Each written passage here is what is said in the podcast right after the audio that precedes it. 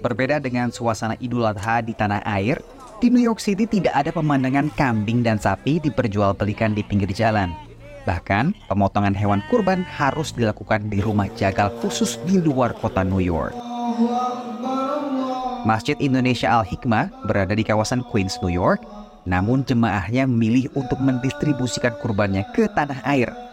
Salah satu alasannya karena warga yang berhak menerima kurban lebih mudah ditemukan datanya di Indonesia. Kita soalnya uh, di sini ke satu kita kurang paham memotongnya di mana, terus juga orang-orangnya yang akan dikasih itu agak sedikit sulit ya untuk datanya mencarinya. Keduanya juga susah untuk memotong uh, dan untuk memotongnya di sini. Jadi kita salurkan ke Indonesia aja gitu.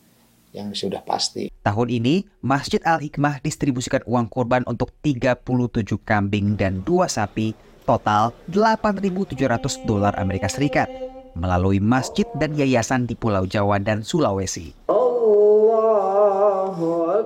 Berbeda dengan di Indonesia, harga kurban di New York City berbeda-beda tergantung dengan tujuan kurbannya.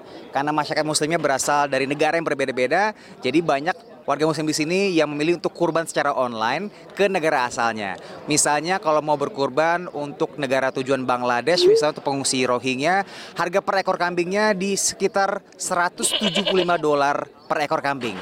Untuk eh, satu ekor kambing di Indonesia dipatok harga 225 dolar. Sementara untuk kurban kambing yang didistribusikan ke wilayah New York City dipatok per ekor kambingnya 400 dolar. Sementara ke negara Timur Tengah yang dalam kondisi konflik seperti Palestina misalnya dipatok di angka 500 dolar per ekor kambingnya. Fenomena kurban online jadi pilihan yang jamak khususnya bagi muslim pendatang di New York.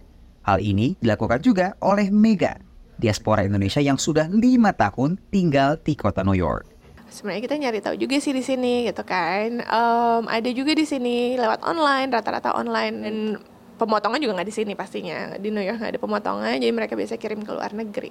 Jadi pas kita dengar gitu hmm, kayaknya mendingan kalau kirim ke luar negeri sekalian aja kirim ke rumah. Menurut Institute for Social Policy and Understanding, sekitar 22% Muslim di Amerika berdomisili di kota New York dan berasal dari masa perbudakan Amerika Serikat dulu, serta pendatang dari setidaknya 75 negara yang berbeda. Dari kota New York, Randy Wucaksana, VOA.